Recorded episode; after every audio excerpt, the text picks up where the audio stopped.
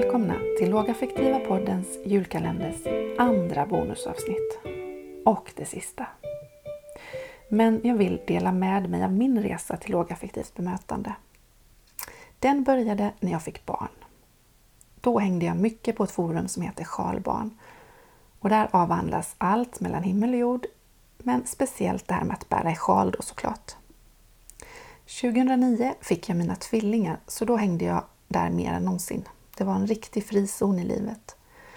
Och i en tråd så var det någon som tipsade om en bok som hette Problemskapande beteende av någon som hette Bo Hejlskov. Och jag insåg rätt snabbt att den boken skulle bli ett tillskott i mitt föräldraskap. Och det blev den visserligen. Men främst så blev den en hjälp för mig själv. Jag har ägnat mycket möda, som i arbete med mig själv och som i skam och skuld och något som jag och min syster då kallade galenskap. Det var något vi båda kunde relatera till. Vi kunde ringa varandra och säga Jag blev galen. Och då förstod man vad det handlade om. Man hade tappat kontrollen. Man hade skrikit, kastat saker, fallit ihop som en hög på golvet. Man känner sig galen. Det är man inte. Det var vad den här boken sa. Du är inte galen. Jag hittade begrepp som stress, belastningar, krav, förmåga, kanske speciellt affektregleringsförmåga.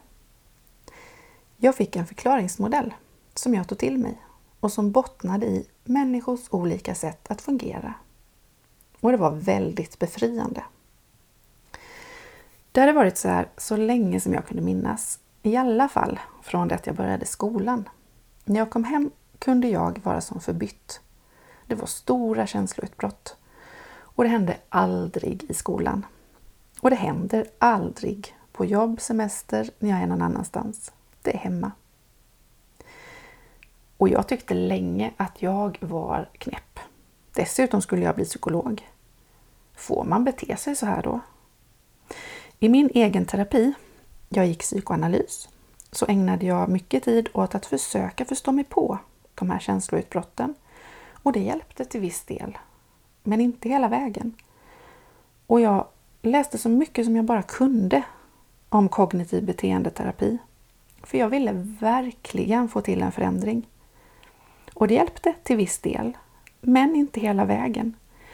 Det som hjälpte för mig, det var att få en förklaringsmodell utifrån mitt fungerande. Det gav mig en massa konkreta strategier. Och att kunna berätta om de här för sin man. Wow! Vilken bra grej för äktenskapet! Jag kan räkna antalet känsloutbrott sedan 2009 på mina fem fingrar. Visst, det blev ett bra tillskott i föräldraskapet, men jag måste säga att vägen till lågaffektivt bemötande, den gick genom mina egna upplevelser av att själv känna. Det här fungerar. Och med de orden vill jag avsluta Lågaffektiva poddens julkalender. Tack att ni har hängt med och jag hoppas först och främst att vi ses på lågaffektiva dagar 23-24 januari i Malmö. Och sen så hörs vi i podden under 2020. Nu önskar jag er en riktigt god jul och ett gott nytt år.